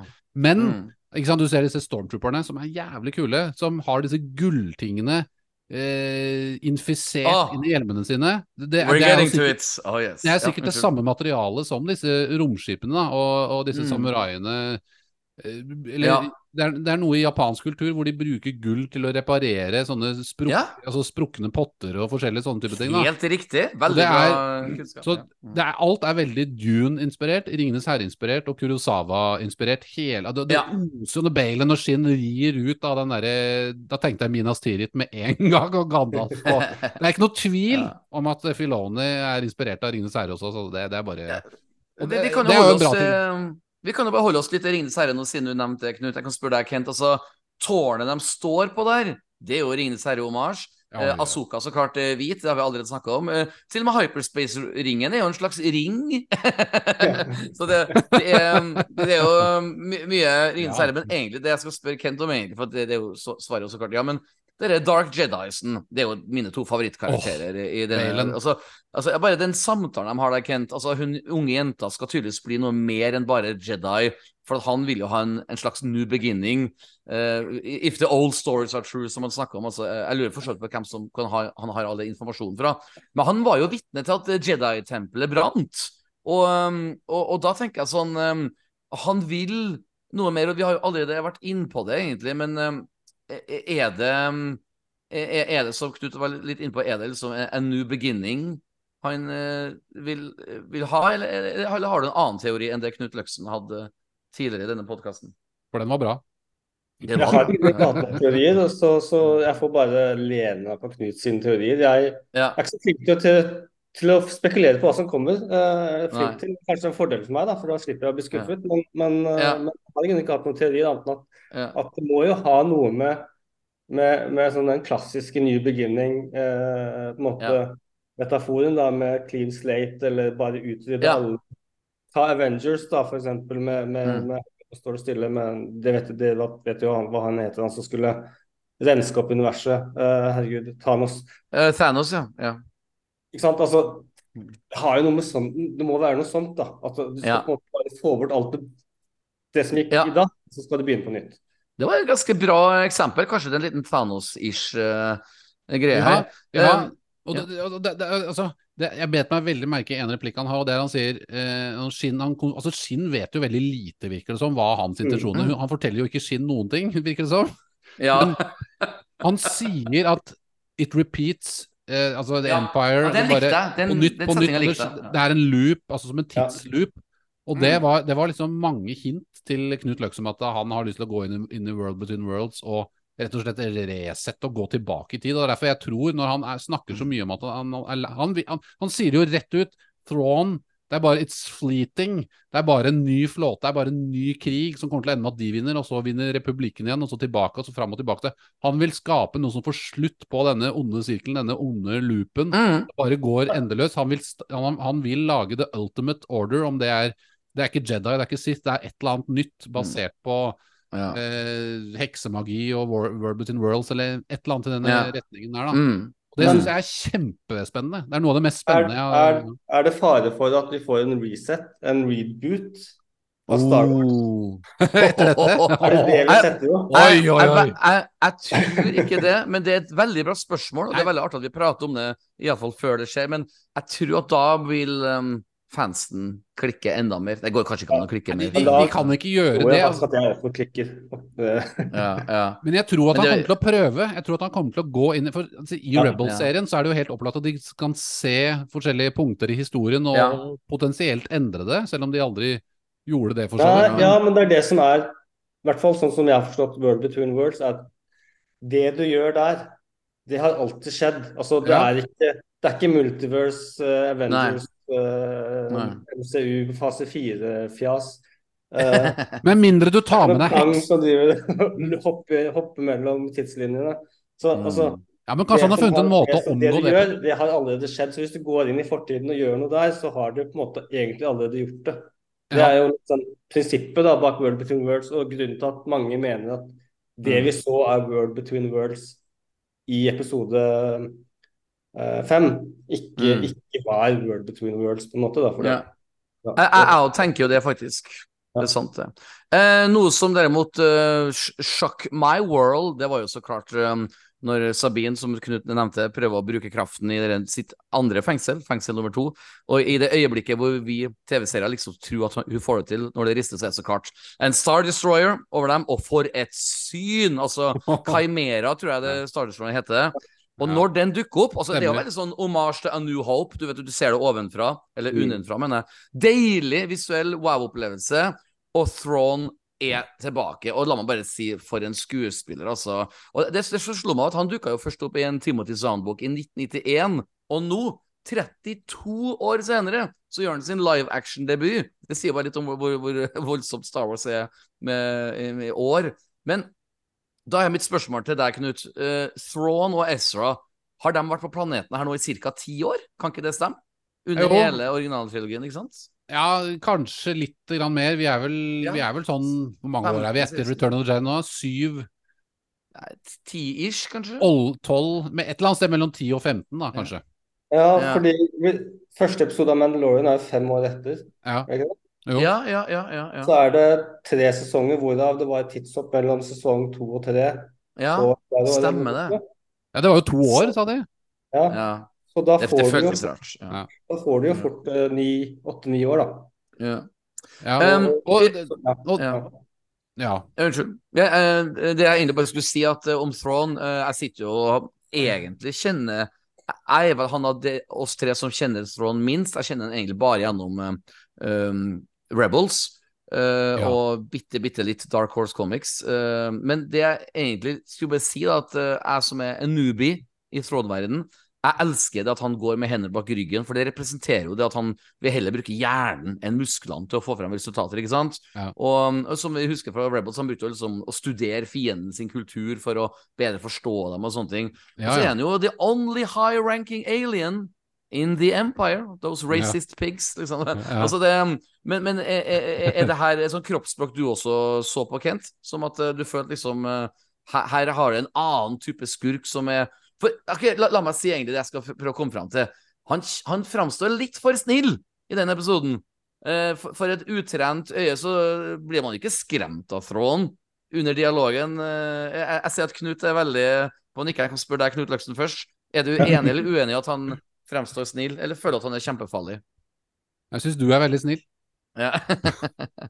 Og Thrawn er ikke det. Men uh, han, uh, nei, for at Thrawn altså, han fremstilles nok litt i Rebels som litt mer sånn uh, animasjonsond, eller litt sånn klassisk skurkeaktig, kombinert med Thrawns andre karakteristikker, selvfølgelig. Men i bøkene han, altså Sånn som han er her nå, i hvert fall sånn som jeg husker det, så samsvarer det mer med bøkene. I hvert fall de nye Cannon-bøkene. Og fordi at han er han er en pragmatiker og taktiker. Han er ikke opptatt av å være ond, eller han er bare opptatt av å være best. og yeah. være en briljant taktiker. Han er ikke en sånn Nei, nei, nei. nei. Han, er ikke, hva, hva, han, er ikke en, han er ikke Palpatine. Men jeg må jo få lov til å sammenligne, heldigvis, med altså I motsetning til Rise of Skywalker, hvor du får Jeg får en veldig sånn følelse av at Rise of Skywalker eh, og Palpatines tilbakekomst, og han har en sånn kjempearmé med masse Star Destroyers med, og har bygget det, liksom. Og det føltes så usannsynlig. Og, og sånn eh, Disney har masse penger, så vi CGI-er masse romskip og lyn og torden, liksom. Mm. Mens her så får vi en han han har den ene Star Destroyeren som er skikkelig ja skrotete. Og den har, Skikkelig. Ja. Den har virkelig ikke tålt alt av tidens tann. Og så har den har mm. til og med sånne Dathomir Witch-maling eh, på undersiden. Ja, love og, it. Ja, Utrolig bra. Og så veit du at han har, han har, jo bare vært der, så det er en veldig god sammenheng med hva som har skjedd før, og hvorfor han er der han er nå, og hva han har klart å ja. få til med de ressursene han har tilgjengelig der, som jo er disse heksene, men også da tydeligvis restene av sitt crew, eller om det er alle de er døde, eller om de er oh, we're getting to that, ja. we're getting to that. Men Kent, ble, ble, ble, du skremt av Throne i, i ja, denne episoden? Holdt jeg på å si, eh, ja. Uh, no, jeg kjenner ikke Throne, uh, Throne, så godt, jeg heller. Jeg kjenner han også mm. kun fra Rebels. Og, mm. og et, et, veldig kortlevd dataspill som var på, på, på mobil, uh, mm. som også het faktisk Star Wars Rebels. Uh, Eh, eller noe sånt noe. Der, Nå viser Petter fram en- ja. Men, men, ja, jeg kjenner han gjennom det som f.eks. Knut har fortalt, og det som jeg har hørt eh, fra andre og lest, og, og lest meg opp på. Og, og han fremstår veldig lik på en Mm. måte Throne i Rebels. Throny Rebels går alltid med hendene på ryggen. Ja, ja, ja. En signaturpositur som, som de har tatt med seg, så, på samme måte som Asoka alltid har uh, armene i kors.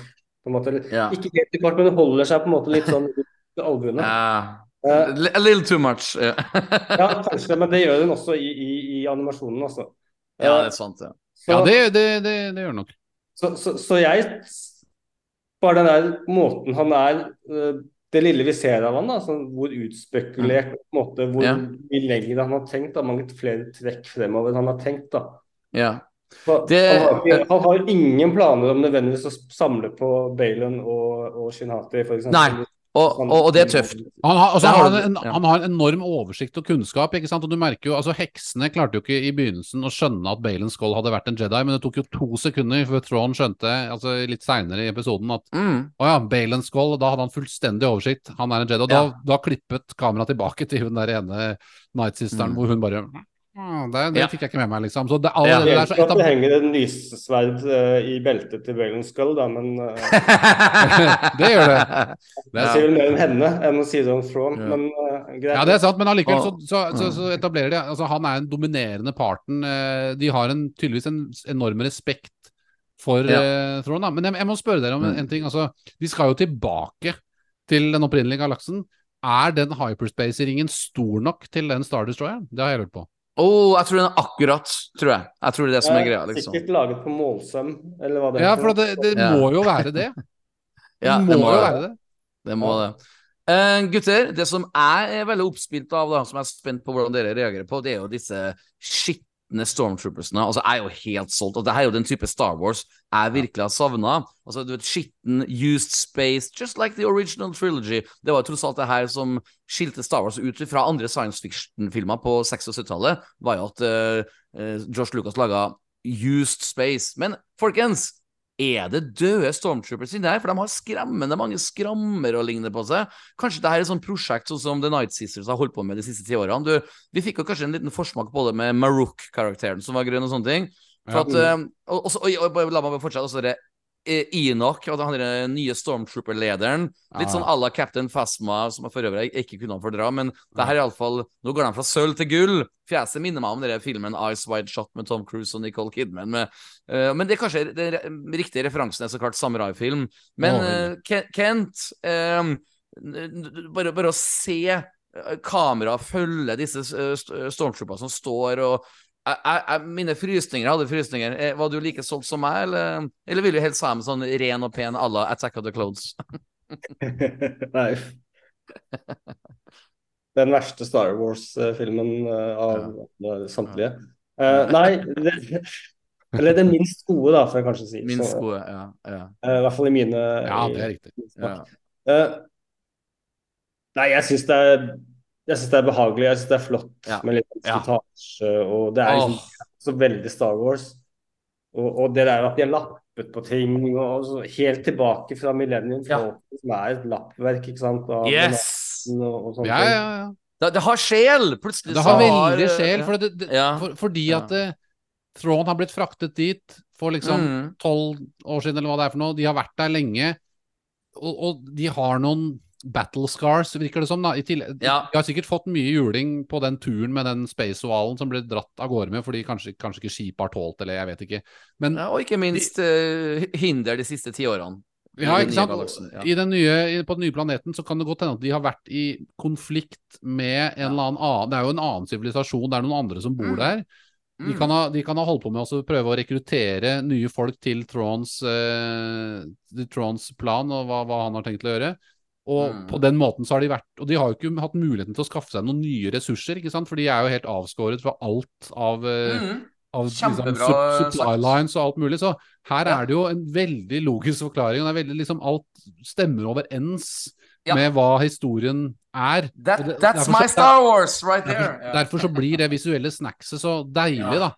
Mm, mm, Og det, mm. og det, og det, og det, det, så det var en av mine favoritt faktisk deler av episoden, var når de stormtrooperne Ja. det, Vi har sett Ja, mye sånn derre Vi har sett Sith Troopers i Rise of Skywalker, vi har sett litt skitne stormtroopers i Mandalorians, for som for så vidt var kule. Vi har sett Mm. nye stormtroopers i, i, Mm. eh, i Force Awakens og mange sånne konsepter. Men det, Men det her blir tok kaka. Ja, det- Unnskyld, unnskyld, jeg sier at jeg må, sorry at jeg avbryter. Jeg, jeg må si at her tar kaka fordi at Knut sa det så godt. Bare det visuelle forteller en historie. Ja, Det var akkurat det Knut sa. Og det, av å bare se det Stormtroopers, så blir det sånn Oh my god. Ja. Du, du, fantasien min får jo sukker i hjernen, ikke sant? Ja. Ja, ikke sant? Så den, den setter jo Rise of Skywalker så utrolig på plass, da. For det er, det er liksom Det er verdt å sammenligne med den. For at ikke sant, Palpatine han er på en fjern planet, en unknown region, så ja, den er i den samme galaksen, men det er litt, litt det samme konseptet. Denne Mm. her gjør det så mye bedre. Og bare det er eh, Det får jo fremstille Rise of Skywalker som eh, Sesam stasjon i forhold. Ja, og, og ikke for, for å stjele en framtidig sitat fra Vidar Magnussen, som skal være vår gjest om to uker, men han sa til, til oss, til meg og Knut at eh, det her burde vært en storyline som sequel-trilogien kunne ha leka med. Ikke, Yes. ikke det tullet vi fikk, men den skal Vidar få lov til å uh, Tygge på. si sjøl. Ja, ja. Og nå, nå skal jeg si en ting. Jeg er Star Wars-fan igjen. Ja, ja. Unnskyld, Kent. Hva sa du? Nei, altså det er absolutt et godt poeng. En sånn storyline. eh, Ja. Det hadde, men de hadde, de hadde ikke hatt guts til det. Disney Nei, de hadde ikke det. Nei, De hadde ikke-. Altså, selv om Lucasfilm hadde villet, så hadde ikke Disney godkjent det, på en måte, tror jeg. Bra, bra poeng. Og det, det, det er faktisk veldig smart sagt, Kent, for at eh, det glemmer veldig mange Star Wars-fans at det her er en film som blir laga i komité. Og det, det, det har de, også mye penger. Ja. de har hatt tid til å bygge dette her opp med Disney Pluss-seriene sine. ikke sant? Og nå, Ja. nå er de i en helt annen posisjon enn selvfølgelig Ja. enn de var da, da. Men, eh, men eh, nei, du har, vi, du helt vi, rett i. vi, vi, vi, vi må ikke være naive og tro at folk innad i Lucasfilm har vært fornøyd med sequel-trilogien sånn som det har blitt. Men det har vært mye frustrasjon innenfor disse Mm. eh, eh, Det er, det er veldig lett å skylde ja. på en, en, en annen KK, ikke Knut og Kent, men eh, Kathleen Kennedy. Kathleen, ja, det, som man ikke liker, men, men det er litt sånn Ja. det, er, det, er, det har vært det har vært et, et uh, Det kan man godt si at det er hennes ansvar, for det er det jo på en måte, men det har vært Ja. et skip uten helt retning, da, som uh, på hun, hun, har, hun, hun har også sjefer. Hun har måttet Hun har det, ikke sant? og de har heller ikke visst De de er styrt av én ting, og det er aksjekursen. ikke sant? Det er sånn, er det i større, større multinasjonale konserner. Eh, og, og, Men, men det, som er, det som er også opplagt, er at hvis, hvis Dave Filoni eller noen hadde kommet og pitchet dette tilbake i 2012 Mm. mm. Hadde du aldri fått lov til å lage det i live Og- action. Og det, der kan jeg faktisk bekrefte at det du sier er sant, for nå har jo både Gareth Edwards laga en science fiction-film som kommer ut på kino neste måned, og um, The Creator, ja. ja. The Creator, og ikke minst um, han, eh, jeg skulle si han Zack Snyder hadde jo prøvd å pitche noe i 2012-2013 som ikke ble godkjent, som også nå kommer ut på Netflix snart. Så da får vi se alternativ science fiction, som jeg gleder meg veldig til. for Ser veldig gå- lovende ut. ja, ja, ser veldig lovende ut. Men Uh, la oss komme tilbake. Vi har litt dårlig tid. Uh, ulvene. Uh, det er iallfall én ulv som er tilbake. En gave til Sabine. Som går over til en actionscene med Raiders. Altså, Helt kul nok action. Litt skyting og litt grønt lasersverd. og eh, Artig dialog Sabine har med ulven sin etterpå. Det minner meg om min hund på 80-tallet. Det her er helt sånn Willow-søt uh, Star Wars-sharp som jeg husker på fra 80-tallet, som jeg kjøper lett. Men iallfall, vi, vi, vi da in introduserte sånne små sånne dyr fra Ronja og Røverdatter. Hvorfor da, da? Hvorfor gjør det på dette viset? Altså, du vet, sånn, uh, Ja, det er altså, eller, ja, eller, eller Crab People fra South Park. Og, Og- jeg, jeg må bare si det Er, det, er det noe vi ikke altså, det, der, der, der, den, der ryker det et poeng på terningen for meg. Ah, Jeg oh. trengte ikke en ny Ewok. eh, ok. Men, men der, eh, da skal jeg bare avslutte mitt eh, det jeg skal si, for at eh, det, det her er barnevennlig, det er søtt. Det er 100% Star Wars. Det er derfor jeg er med. Jeg smiler, jeg til og med humrer. Jeg likte det, men det er litt sånn meg i nøtteskall, for jeg har jo sagt 18 ganger i denne podkasten før at eh, når episode 2 av Mandalorian sesong 1 kom, hvor du, du vet hvor Mando skøyt um, små eh, brune eh, Javas. eh, Javas, og han Ja. klatrer på veggen.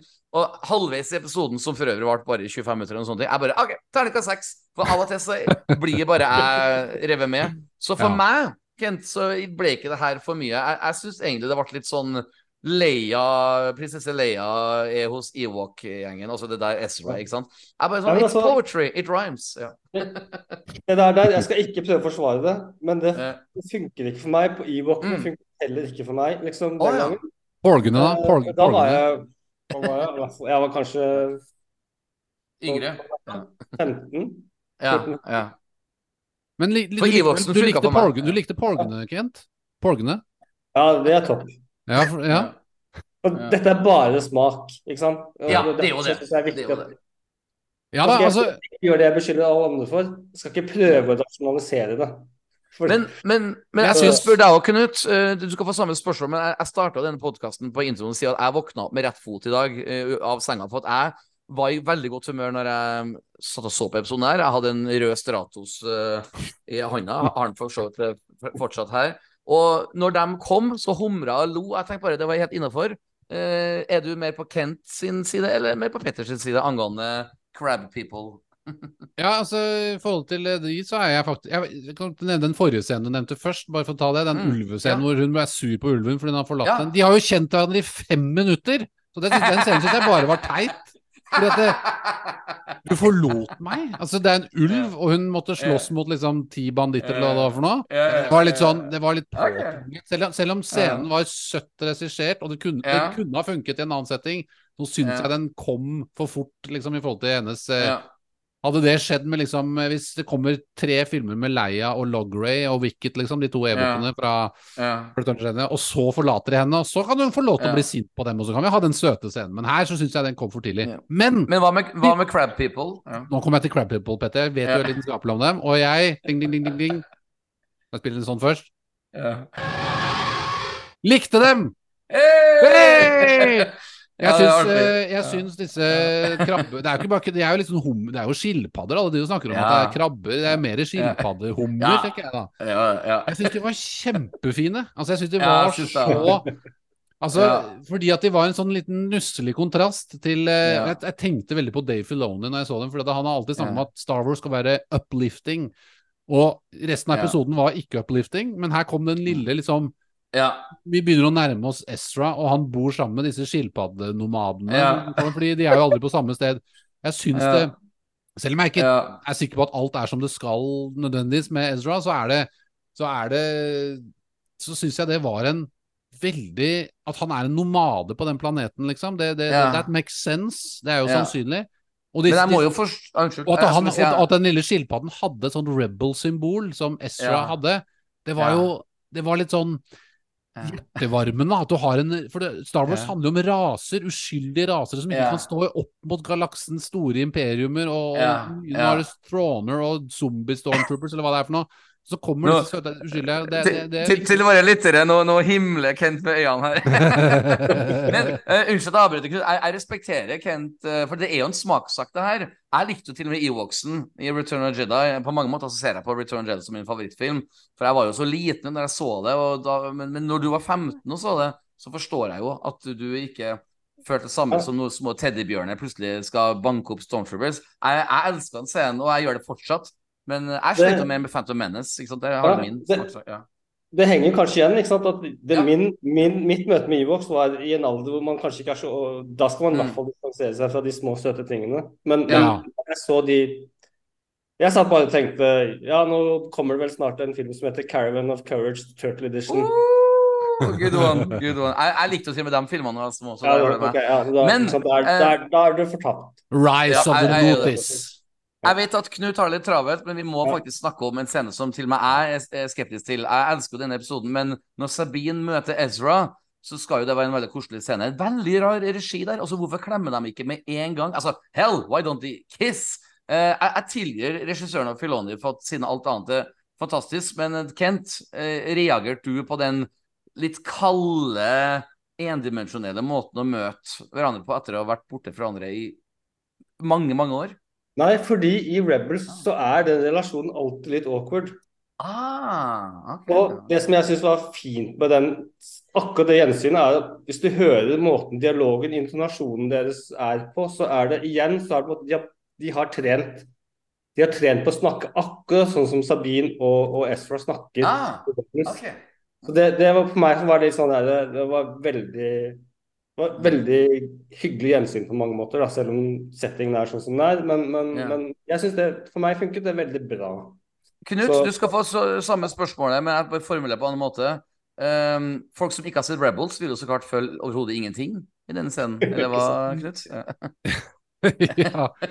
Det er uh, You stole my line. Det er du Ja, som pleier å si. Nå stjal jeg at du Ja. stjal min. Nei, men jeg, jeg tenker at det, altså For det første, så ta det positive her. da Han som spiller Ezra, virker veldig bra. Han, når han snakker sånn alienspråk, jeg kjøper det med en gang. Og han, han, han. He looks the part, og det ser ut som han kan act the part også.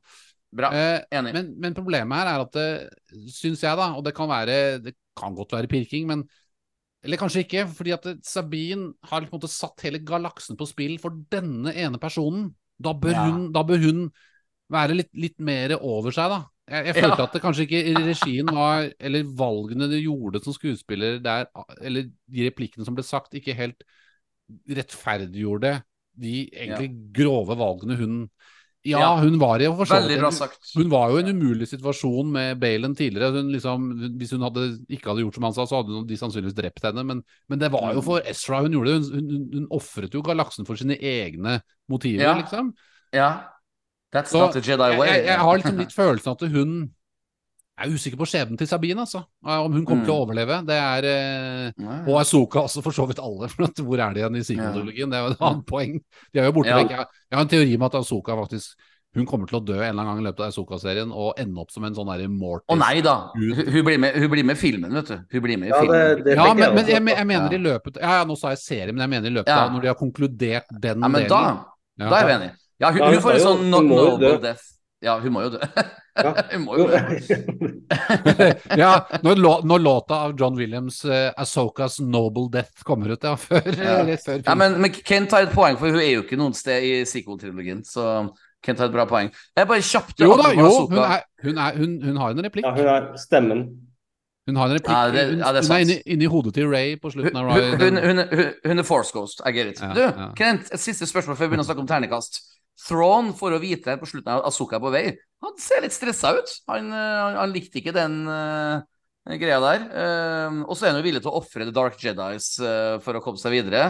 Elsker. Eh, altså det jeg tror, da, bare for å si det, jeg, jeg tror at det, det, disse to Dark Jedis kommer til å bli så jævlig sur når de blir left to die, at de må jo begynne å jobbe med Asoka og gjengen. en, Nei, en, men en, jeg- Det er, Ok, ikke sikkert vær at så de vil, det er ikke sikkert han vil tilbake, heller. Ah, ja, interessant. Det kan være det at det kan hende at han vil starte et Jedi-tempel der også. Det er jo en liten annen teori jeg har, da, at han, han Mm. Ja. starter en ny order der, basert på disse Ja, ja, mørke stedene. Men det er jo en annen teori. Men, men du, du Kent, bare, bare vent på ditt svar, for jeg skal formulere den på en ny måte. For at vi skal nå gi ternekast og begrunnelse, og da kan vi også si hva vi tror vil skje. Jeg kan bare starte veldig kjapt. Eh, Alle fornuftige mennesker vil nok gi denne en ternekast fem. Men siden jeg ikke er fornuftig og er litt uh, ute av balanse i dag Og spist så- for mye Stratos. Det det. Spist for mye Stratos, jeg fikk en så jævlig positiv boost. Og for meg så blir det her faktisk uh, terningkast seks. Min første terningkast seks uh, i en Asoka-episode. Uten tvil på min topp ti av de beste Star Wars-episodene eh, på Disney pluss. Um, og det at vi fikk så mye tid med mine to favorittkarakterer, altså The Dark Jedis, det er jo stor bonus. Throne der, så at um, um, uh, al- Altså, som sagt um, jeg, jeg, jeg, jeg håper til og med at han ene Dark Jedi-fyren er Obi-Wan Kenobi sin bror. Der, der, der har du meg, liksom. Men det Men- er jo altså, Hvordan kan han være det? Hvor, hvor han var, altså, vi, han, vi vet at han var i The Jedi Order. Hvor var han en da? Altså, Obi-Wan gikk jo rundt der, liksom. Hvor var han en i The Clone Wars da? Ja. Liksom? Bra, bra poeng. bra poeng Men iallfall terningkast seks fra meg. Veldig raus. Knut Løksen, vær så god. Eh, Er du like oppspilt som meg, eller er du litt mer fornuftig og he- he- fokuserer på feilene? Altså, Jeg pleier jo alltid å se disse episodene på min 75-tommer med høy Ja. surround-lyd nede i kjeller, min Ja. deilige, nerdete kjellerstue her. Ja. ja. Det fikk jeg ikke i dag. Det ble litt telefon i bilen, det ble litt på frostprøvene, det ble litt her og litt der. Og allikevel så ga det meg mange wow-opplevelser. Jeg er sikker på at jeg hadde sittet med igjen med en, altså sånn for eksempel den Star Destroyer når den kommer med sånne Åh! malerier på undersiden. Litt det samme som disse. Mandalorianene hadde i sesong tre av Mandalorian, så var det Mandalorian-symboler på Gideons skip, ikke sant? Mm. Eh, jeg elsket, og det var jo litt sånn som jeg tenkte også, jeg tror jeg nevnte det i forrige podkast, at jeg er sikker på at Thrawn han kommer til å samarbeide med disse heksene og bruke dems krefter til å bygge en ny armé, og det var jo akkurat det som skjedde. Og det syns jeg Mm. var en Og det, jeg syns det er så deilig når de når de tar sånne valg, da, at, at Ja. to forskjellige sånn Altså en chiss jeg må ikke si det. Når en chiss eh, En, en sivilisasjon jobber med en annen sivilisasjon, da. Ja. Eh, ikke sant? Og så for meg så er det Jeg har noen, noen kritikker til begynnelsen av episoden med Asoka. Noe med Sabine på slutten der. Mm. Noe med denne ulven. Og Ja. Det skulle være morsomt. Men det er jo småting. Mm. Men det, det, er ikke, det er ikke en sekser, men det, det er en sterk femmer for meg, da. Og jeg syns det ja, er det er. Jeg hadde jo episode fire som min favoritt foreløpig. Eh, Mm. og Denne her er nok et lite hakk over den. Jeg husker ikke om jeg Mm. ga den en svak seks eller hva det var. Femmer eller Men jeg, det, jeg, Jeg jeg den er en sterk femmer. Jeg gir den en sterk femmer. Vær så god, Kent. Ja. Jeg ga jo, og jeg, jeg ga vel i mitt eget hode den Mm. forrige episoden artig nok en sekser. Oi. Ikke fordi den var perfekt, men fordi den var perfekt for meg. Ja, ikke sant? Bra Og det er jo det viktigste. Ikke sant? Ja. Uh, og likeledes så blir det litt sånn For jeg støtter deg i alt som er bra med, med episoden. Mm. Uh, og det er en bra episode. Jeg syns Jeg syns på en måte bare innledningen Jeg kunne på en måte bare sittet og hørt Hu Yang fortelle The History Ja. of the Galaxy part one, ja, altså, istedenfor å se på alt det andre med de heksene og sånn. Men, Ja, altså, og det- og- Du er inne på et godt poeng. Du er veldig, unnskyld at jeg avbryter, Kent, men du er inne på et veldig godt poeng. Var det egentlig nødvendig å ha med den første scenen når det egentlig ikke Vi vet at hun er på vei. Hadde det heller vært kulere å ha den, en scene til slutt, hvor du ser en sånn intens scene med at de kommer, og så liksom eh, Et eller annet sånt, da. For jeg følte Ja, at den scenen var liksom litt vi, Den serien heter Asoka, så vi må presse den inn, liksom. Ja, altså det var for på en måte kontinuiteten sin del, da, for at det, det var det siste som skjedde i episoden før. Ja. Men ja. Ehm, så, så for meg så blir det litt, litt igjen sånn Det har jo sagt det kanskje i en tidligere episode. Når det, når, når det blir for mye dukketeater eh, eller Ewok-aktige ting, så, så mister jeg litt sånn eh, Ikke interessen, men det blir litt sånn der jeg, Det fenger ikke. Så utelukkende på det, pluss en del andre sånne småfeil og sånn diverse ting, svakheter, som jeg egentlig ikke syns er så superviktig, men som allikevel av og til napper deg litt ut av opplevelsen, så, så lander nok jeg på en, en, en svak femmer. Ja. Å ja, men det, det er jo bra. Ja, ja, det, er ikke, det er ikke dårlig, jeg, jeg liker jo episoden, men, men Ja. absolutt, jeg, liker- jeg liker hele serien. Men det er som jeg Ja. sier, også, jeg er jo egentlig en sånn gladfan, så jeg liker jo nettopp. Ja. nesten Men jeg liker, som du sa, Kent, at du, du an- gir terningkast på hva du føler, liksom. Og, Ja. Og, og, så Det er derfor jeg må bare gi seks på. Når episoden var ferdig, jeg satt nesten bare og var i gledessjokk over at Asoka var tilbake igjen. For jeg har jo egentlig ikke blitt blown away av noen Jo, episode fire var veldig bra. Episode fire var veldig, veldig bra. Den, Vi den var jo begge veldig Ja. meget begeistret for det, og Ja. det var jo jeg også. Og Ja. jeg syns at episode fire og seks stikker seg nå frem som Ja. favoritter. For mange så vil ja. episode fem være det òg, og den er absolutt, som syns jeg også, en, en bra episode. Men Mm. jeg vil jo si at episode tre og kanskje én ikke er de aller beste, liksom. Men Mm. Mm. det, er, det er fortsatt bra, OK, det- liksom. Det, går- det går rett vei. Det går rett vei, liksom. Og, Og det var det vi Eh, forutså i begynnelsen, at det, man, man hadde en følelse fra liksom første stavtak her at det er en historie som skal bevege seg fra A til Å. og Det kommer ingen Det kommer ikke så veldig mye eh, sidesprangepisoder eller noen filler-episoder. Nei. oh, love det it. og det, det kommer, Vi kommer ikke til å få det. Det er, det er to episoder igjen, og jeg håper Og de har Mm. heldigvis klart å holde seg til litt lengre episoder eh, nå Mm. enn Ob noen av Obi-Wan. For at det, altså Mm. Episode tre for eksempel, har jo vært den korteste til, til nå. Og den føler jeg egentlig kunne vært sammen med episode fire. Altså det kunne vært én Mm. episode. Så foreløpig Mm. så føler jeg at denne sesongen burde vært syv episoder. For at noen ganger når de kutter det opp på den måten, så får du en sånn følelse av at det ikke er en TV-serie, men at det er en film de har bare klippet i. Ikke sant? Ja. Eh, sånn som man får litt følelsen av i Obi-Wan for eksempel, og sånn til tider.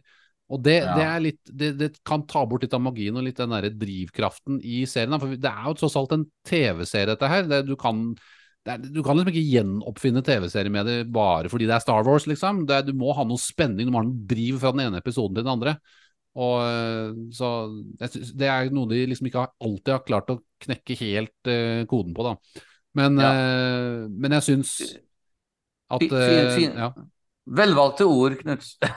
yeah, yeah. og, og, og, og vi klarte oss, Kent og Knut, til å holde oss eh, nesten på 90 minutter. Vi er bare fem minutter eh, over eh, planlagt tid.